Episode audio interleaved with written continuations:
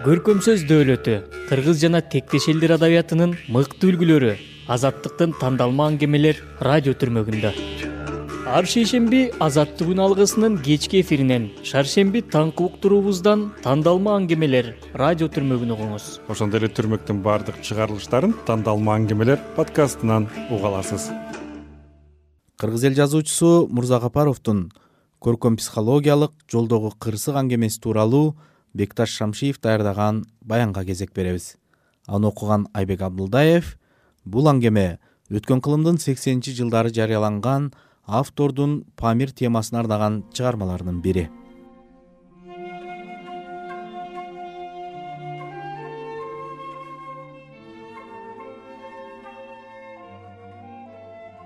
Мурда деле азыр деле памирге барыш тозоктун тозогу алыс жолго чыккан жүргүнчү асман тиреген ашууларды ашып ойго түшүп тоого чыгып жанды оозуна тиштеп көздөгөн жерине жетет.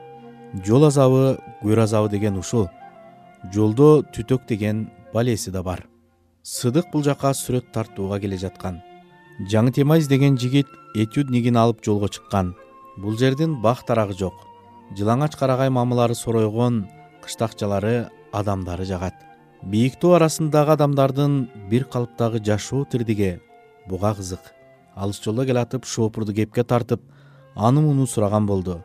Бирок тигил дулдуюп суроолорго чолок жооп кайтарып анча ачылбады.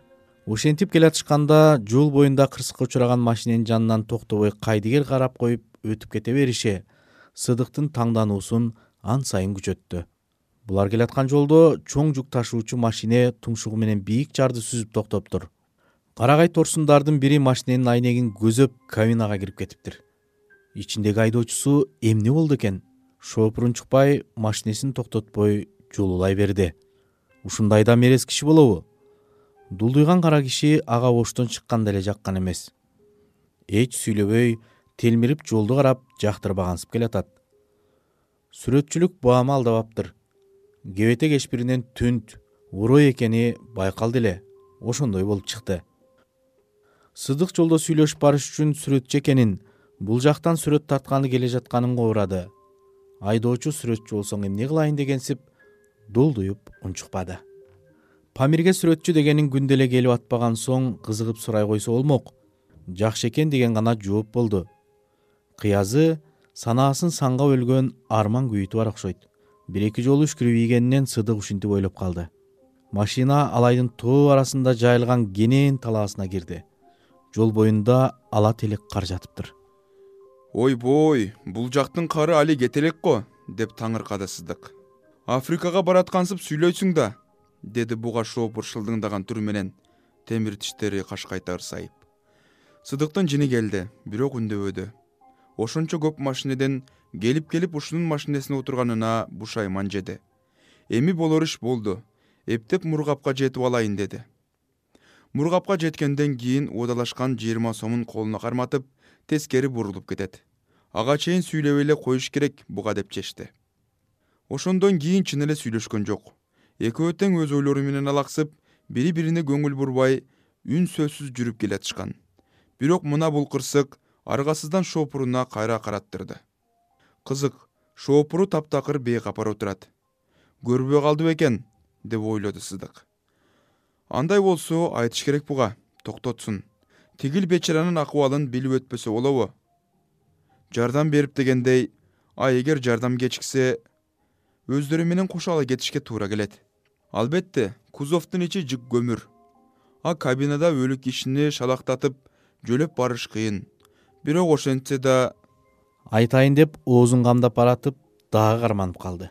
Айтсам мунусу тултуюп жооп бербей койсо кантет сенин эмне ишиң бар? деп койсочу күн кештеп толтура көмүр жүктөгөн шоопур машинесин токтотпой көздөгөн жерине жетип алайын деп келатат. Анын үстүнө кырсыкка кабылган адамга жардамдын кереги жок болуп калса анын сөөгүн жүктөп алып жүрмөк беле деп ойлогондур жолдо каза болгон адамды биринчи ким көрдү дешип иликтеп калышса бул шоопурду сурактан суракка чакырышып айласын кетиришер. Мүмкүн ошондон чочулап аткандыр ошондо көрмөксөн билмексен болуп өтүп кетти окшойт. Кырсыктын себеп жөнүн иликтеп кылмыш иши ачылып калса сыдыкты да күбө катары чакырышы мүмкүн. Андай болсо сүрөтчүлөр биримдигинен сурап алган бир айлык чыгармачылык командировкасы милицияда сурак берүү менен өтөт. Сыдык антип өз ою менен алек болуп отурганча машине кырсык болгон жерден кыйла узап кетиптир. Бийик табанга кыйналып кысталып чыккан оор жүк машине эми ылдыйга ошондой эле ынтыгып түшүп келаткан сыдык кызыкча абалда келатканын шопур да байкаган окшойт. Эмне эле ойдолоктоп атасың? деп сурады. Сыдык сыр билгизбей жөн эле деп койду. Сыдыктын ою барып келип эле жанагы жолдогу көрүнүшкө такала берди. Dabандан түшкөндө иңир кирип айдоочу жарыгын күйгүздү.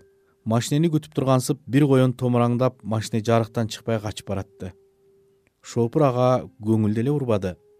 Бара бара коен арып машиненин тумшугуна жакындай баштады жолдон чыгып кеткейле бечара деп тиледи сыдык. Шопурга кайрылып токтотуп кой тиги жаныбар кутулуп кетсин дешке батынбады. Беркинин тил алчудай түрү жок. Акырында машине коенго жетип коен анын астына кирип кетти. Сыдыктын жүрөгү шуудей түштү. Ал коендун аман калганын же тепселип кеткенин билбей калды. Куду кырсыкка учураган машиненин шоопурун көрүүгө үлгүрбөгөндөй арманда кете берди шоопурду караса шоопурдун жүзүндө эч кандай өзгөрүш көрүнбөдү. Бар болгону кабинанын ичин жаңырта катуу чүчкүрүп алды. Жок бул үйүн күйгүр жолдогу машинени сөзсүз көрдү деп ойлой баштады сыдык кайрадан. Көрүп ичиндеги адамга ушу коенго болгон мамилесиндей эле кош көңүл мамиле кылып койду. Түндөсү булар кара көл деген кыштакка келишип айдоочу машинесин токтотуп сыдык экөө чырагы күйүп турган үйлөрдүн бирине киришти. Ал жерден тор току олтурган сулуу келинди көрдү. Келин элпек тура калып шопурду көргөндө көздөрү жанып өзүнчө эле толкунданып калды. Дугдуйган капкара шопурга сулуу келиндин эбилип жебилип калышына сыдык анын кимиси болот деген суроосунун жандырмагын чече албай отурду. Келин отто турган тамагынын эттүү майлуусун айдоочуга куюп калганын сыдыкка берип балдар менен кемпирди сурап кирди.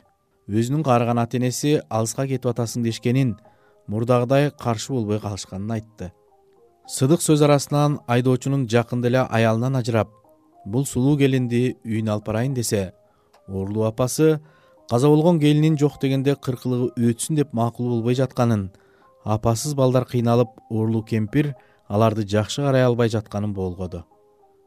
Тамак ичилгенден кийин шопур аны башка мейманканага чыгарып ийди. Мейманкана эки бөлмөлүү там экен. Бирөөнүн чала жабылган караңгы эшигинен уйкудагы кишилердин коңуроогу угулат кийинкисинде он чакты керебет коюлуп ал жерде үч киши жатыптыр. Керебеттегилер темир мештин жанында чулгоосун кургатып жаткан сары чийкил жигиттин аңгемесине кыраан каткы күлүп жатышты.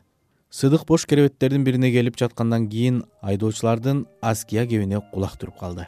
Сары жигит жакында эле пенсияга чыгып кеткен памирге каттаачу шопурлардын биринин окуясын айтып берип жаткан экен айтымда аракы аябай тойгон ошол айдоочунун жолдоштору жөлөп таяп машинасына отургузуп машинесин от алдырып жолго чыгарып коюшса тигил көзү ала чакмак ээн жолдо. Машинесин айдап келатса бир дөңгөлөк аны менен жарышып келатат дейт. Кысталаак бул кимдин кылдыреги болуп кетти деп таңданып коет экен. Дөңгөлөк кыйлага чейин аны менен жарышып акыры артта калат. Мастын колдоочусу бар деген чын белем оң дөңгөлөгүнүн бирөөсү чыгып кеткенин байкабаган айдоочу үйүнө келип жатып калат. Үйүнө келип уктап эртеси эшикке чыкса машинесинин бир кылдыреги жок. Анан аялына кыйкырып жатпайбы? Эй катын бул менин кылдырегимди эмне кылдың деп? Берки жаткандар шарактап күлүп жатышат.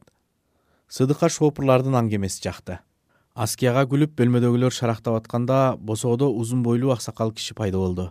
Тигил адам кыйла чарчаган окшойт. Сыдыктын жанындагы керебетке келип чечине баштады. Ошол киши чулгоосун мешке кургатып дөңгөлөгүн качырып ийген шопур тууралуу аския айткан сары жигитти карап эй бала сен эмне тумшугуң менен жар сүзүп калгансың? деп сурап калбаспы? Сары жигит а тормузум иштебей калды аке дейт. Канчадан бери сыдыкты кыжаалат кылган суроонун жандырмагы ушул жерде чечилди. Аскиячы сары жигит машинесинин тормузу иштебей калганда рулду жарга буруп жан аракетке жерге секирип аман калганын айтып берди сыдык кырсыкка учураган жигит менен дагы сүйлөшкүсү келди эле бирок бейтааныш адамдардын көзүнчө окуянын чоо жайын кадалып суроого батынбады. Бул байкуш жолдук ата эмне деген гана ойлорго түшпөдү. Додуйган шопурду ичинен жек көрүп жок жерден ал бечараны айыптап анысын бир эки ирет айтып ээ жаздап токтоп калганы абийир болуптур сыдыктын көңүлүн кандайдыр бир жылуу сезим каптап жанатан бери камтама кылып келаткан ойлордон кутулганына сүйүнүп үстүнөн оор жүк алынып салынгандай өзүн жеңил сезип кетти. Көңүлү жайланган сыдык ал түнү катуу уктап кеткен экен.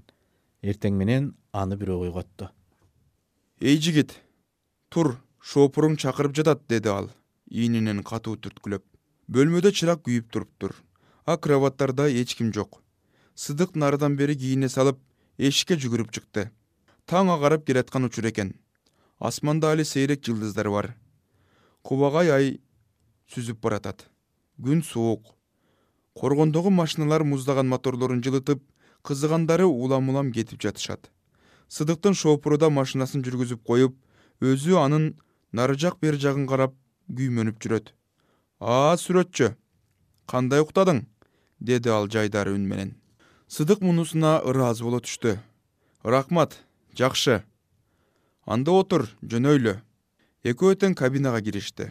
Ошол тапта кечиндеги келин жетип келди. Башында кечээки жүн жоолук колунда түйүнчөгү бар. Мына муну салып коюң жолдо жейсиз деди шоопурга түйүнчөктү сунуп. Шоопур түйүнчөктү корзинасына салып алды. Мен бүрсүгүнү кайтам деди ал. Эсен аман барып келиң деди буфетчи. Машина ордунан козголду. Келин аны чоң жолго чыкканга чейин узата карап турду жолго чыкканда шоопур да аны бир кылчайып карап алды. Ошондон кийин машина жаңы ылдамдыкка өтүп чырактарынан түшкөн нурду ээрчип зыпылдап жөнөдү. Мургапка чейин дагы кыйла жер. Кечээден бери ичин кыйнаган оор ойлордон кутулганына сүйүнгөн сыдык көңүлү табышкан сулуусу менен чогуу таң атырганына ыраазы айдоочу бул ирет жандуу баратышты